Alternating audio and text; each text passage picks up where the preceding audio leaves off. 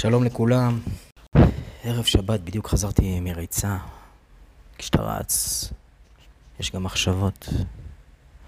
ואז אמרתי, נקליט את הפרק הבא שלנו. אז בפרק הזה אני רוצה לדבר על שימוש בפסיקה שנעשית במסגרת הליכי גישור. שימוש אה, בפסקי דין, אה, או בכל אה, ידע אחר לגבי אה, פסיקה שיכולה להיות רלוונטית. ואנחנו נדבר על תופעה אחת שהיא נפוצה.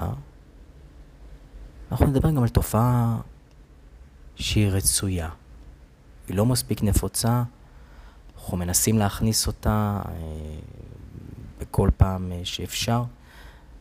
אבל היא לא מספיק אה, נפוצה, היא בהחלט אה, רצויה מאוד. אז בואו ישר אה, ונתחיל. תשמעו, אתם משתתפים במשא ומתן, או שאתם לקראת גירושים ותשתתפו במשא ומתן. הרבה פעמים הפגישות של המשא ומתן הן פגישות או מרובעות, כלומר הבעל, האישה וכל אחד עם עורך הדין שלו. או לפעמים גם יהיה מגשר באמצע, כלומר בחדר ישבו חמישה אנשים לצורך העניין. עכשיו, חלק מהמשתתפים אה, במשא ומתן הם עורכי דין. עורכי דין הם אה, גם כן אה, בני אדם, אה, ויש מכל הסוגים ויש אה, מכל המינים. אה, ולפעמים אתם גם תיתקלו אה, בעורכי דין שהם ארוגנטים, שהם אה, שחצנים, שהם אה, רוצים להראות כמה הם בעלי ביטחון עצמי וכמה הם יודעים וכמה הם מכירים את השופטים. והם מדברים ככה בצורה מאוד אה, ורבליים ומאוד מלאי חשיבות ואולי לפעמים פתוס. ואתם יכולים לשמוע אותם כשהם מדברים על הנסיבות הספציפיות של ה... שלכם, אתם יכולים לשמוע משפטים כמו, אני מכיר את השופט הזה, הוא בחיים לא יקבל את התביעה שלך. או משפט כמו, אני מכיר את השופטת הזאת, היא לא תיתן יותר מ-X מזונות. או אתם יכולים לשמוע עורכת דין שכזאת שאומרת, אה, התביעה שלך חסרת כל סיכוי, בית משפט בטוח ידחה אותה ויחייב בהוצאות. אלה משפטים בעצם שהם הם חסרי כל בסיס. הם, הם באים ממקום של חוסר ביטחון, וככל שעורך הדין אה, פחות בטוח בעצמו, הוא יותר ישתמש במשפטים שכאלה. וככל שאותו עורך דין אה, משתמש במשפטים שכאלה, הוא יודע פחות. עורך דין לא מכיר את השופט, השופט בעצמו לא יודע מה הולך לפסוק, כל מקרה לגופו, הפסיקה היא כל כך אפורה, כל כך לא אחידה. מעל אותו שופט יש ערכאת ערעור, ככה שלבוא ולנקוב בכל מיני משפטים כאלה חד משמעיים, נחרצים, מלאי פתוס, אין בהם דבר, אלו משפטים שהם חלולים, הם לא מקדמים את המשא ומתן. ואתה, או את, שמשתתפים בהידברות שכזאת, במשא ומתן שכזה, תדעו לזהות את זה. תדעו להבין שכרגע מפגיזים אתכם במשפטים חלולים. חלולים. את סיכויי ההצלחה של התביעה שאתם רוצים לנהל, או של הטענה שאתם רוצים להעלות, תנתחו ביחד עם עורך הדין שלכם, לפני הגישור או אחרי הגישור. כל מיני משפטים הצהרתיים כאלה של עורך הדין של הצד השני, שיודע בדיוק מה יהיה, הוא מאוד מאוד בטוח בעצמו. תשימו את זה בצד, זה באמת חסר חשיבות, ואל תיתנו לזה אה, להשפיע עליכם.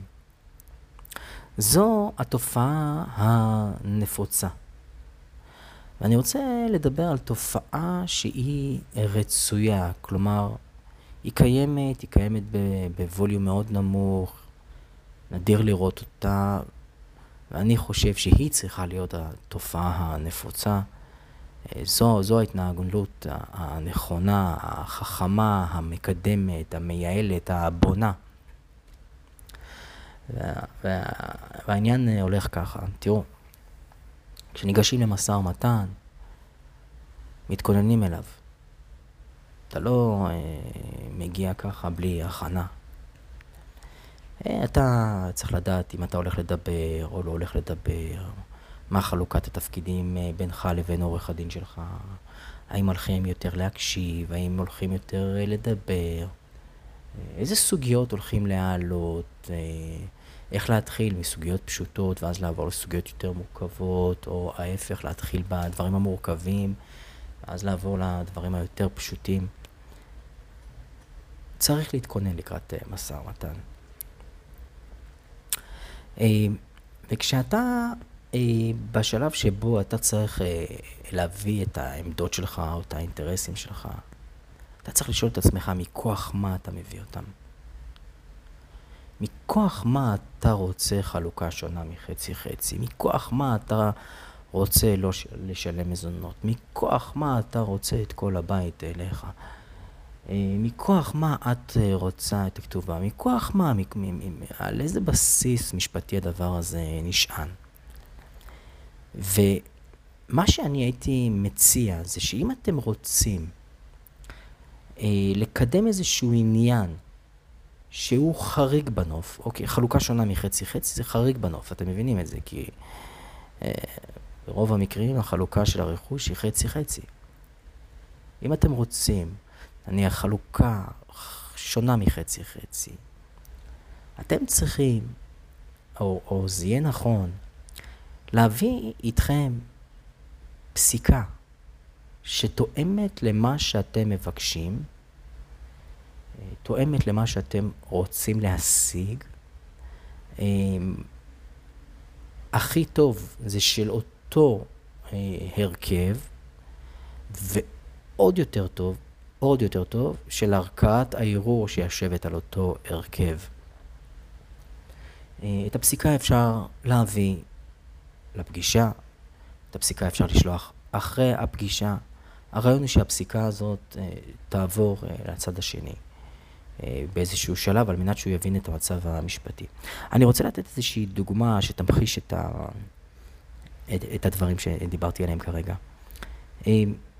אה, לפני איזה אה, תקופה לא ארוכה, הצגתי בעל שאשתו החליטה שהיא רוצה להתגרש. הוא לא אלים, והוא לא בגד בה, והוא לא גנב אותה, והוא לא הימר, והוא מפרנס, והוא אבא טוב. וכשאתה באמת מנסה להבין למה היא רוצה להתגרש, אז uh, חלק מהדברים אולי קשורים אליו, אבל בקטנה, רוב הדברים קשורים אליה. הוא האהבה הראשונה שלה, היא רוצה לחוות עוד דברים, היא מרגישה שהיא לא ממצה את עצמה, היא מרגישה שהוא סוגר עליה. אה, היא מרגישה שהיא רוצה עוד קשרים, היא רוצה לממש את הפוטנציאל, היא רוצה להיות לבד, היא רוצה ורוצה ורוצה ורוצה. וזה בסדר גמור, אנחנו חיים בעידן שהוא אה, ליברלי, בתקופה שהיא מודרנית. כל אדם שיעשה אה, כפי שהוא מוצא לנכון. יחד עם זאת, אה, דיני הגירושין בישראל נשלטים על ידי הדין הדתי, ובעצם אישה שכזאת, אה, כשבעלה לא רוצה להתגרש, או שהוא מוכן אה, לעשות פעולות למען שלום בית, אישה שכזאת, אין לה עילת גירושין. כלומר, אם היא מגיעה לבית הדין הרבני והיא רוצה להתגרש, יהיה לה די קשה, כי יגידו לה, אין לך סיבה, אין לך עילת גירושין. אמ,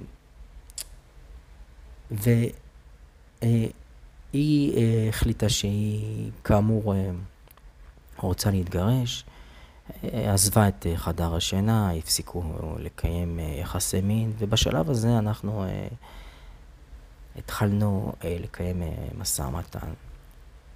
עכשיו, כשאנחנו התיישבנו למשא ומתן, אה, עורכת הדין שלה כמובן באה ואמרה, תראו, העניינים פה פשוטים.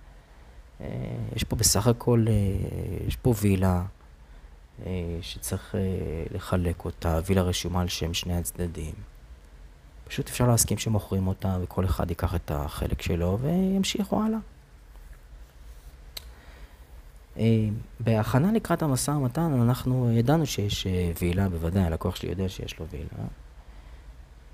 רק הווילה הזאת היא וילה שהיא חדשה, היא נרכשה לפני כחצי שנה, וכשאני שאלתי איך היא נרכשה, הוא הסביר שהוא קיבל כספי ירושה מדירה יוקרתית שנמכרה, ועם הכסף הזה הם קנו את אותה וילה. והוא, שלא חשב על גירושין, ואהב את אשתו, ורוצה לדאוג למשפחה שלו, אה, למרות שהווילה נרכשה מכספי ירושה שלו, הוא רשם את הווילה חצי-חצי, על שם שניהם בחלקים שווים. עכשיו, אנחנו באנו והצגנו את הדבר הזה. דיברנו על כך שנדמה שיש פה משהו שהוא לא הוגן, שהרי אם הוא היה יודע שפניהם אה, להתגרש, הוא לא היה עושה את המהלך הזה, והיא לא הייתה יכולה ליהנות מאותם אה, כספי אה, ירושה שהפכו לווילה. כמובן שהצד השני סירב להכיר בכך, הוא לא חשב שיש פה משהו שהוא בעייתי. ומה שעשינו זה לפגישה הבאה אנחנו הצטיידנו בפסיקה של בתי הדין הרבניים. הפסיקה הזאת אומרת כך, האישה שרוצה להתגרש, שאין לה עילת גירושין ומסרבת לקיים את החובות שלה כלפי בעלה, נחשבת מורדת. דינה של אה, מורדת הוא אה, אחד, האמת שלא, יש לה כמה, יש לזה כמה השלכות, אבל אחד הדברים המרכזיים, ובזה השתמשנו, זה שהיא מחזירה את מתנותיה. היא צריכה להחזיר מתנות שהיא קיבלה מבעלה במהלך הנישואין. ואז הראינו פסיקה שאומרת שהיא אה, תוכל להיות מוכרזת כמורדת, כי היא מסרבת לקיים את החובות כלפי בעלה. ואם היא תעמוד על גירושין, אז התנאי לגירושין יהיה בעצם מצד בית הדין, כן? שהיא תחזיר את המתנות. ומהי אותה מתנה שהיא קיבלה? אותה מתנה שהיא קיבלה זה אותו רישום בטאבו על שמה אה, בווילה ש... שנרכשה. אה, הדברים הוצגו, הבאנו פסיקה שמראה שכך אכן אה, הדברים אה, נקבעים.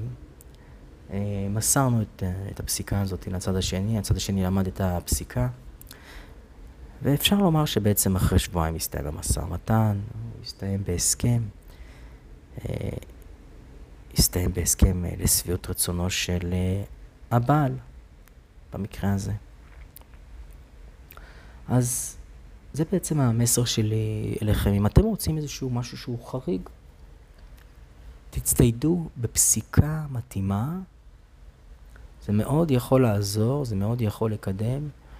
זה שונה לגמרי מכל מיני אמירות חלולות שנזרקות לאוויר על ידי עורכי דין אה, חסרי ביטחון עצמי. אני מקווה שהבנתם את מה שדיברנו, אם לא, אתם יכולים להקשיב שוב פעם לפרק הזה, אני בטוח שבהאזנה שנייה אה, תבינו. ו, וחשוב מאוד להשתמש, תשתמשו, תעשו שימוש בכלי הזה. כן, כן, תשבו עם עורך הדין שלכם, תנסו להבין מה אתם מבקשים, מכוח מה אתם מבקשים את uh, מה שאתם הולכים להציג, וככל שמדובר בדברים שהם חריגים, חפשו פסיקה, תביאו אותה. תשתמשו, תעבירו אותה לצד שני, תשחקו בקלפים פתוחים, זה מאוד יכול לקדם ולזרז אה, את המשא ומתן. זהו, עד כאן. כל טוב. היו בריאים. thank you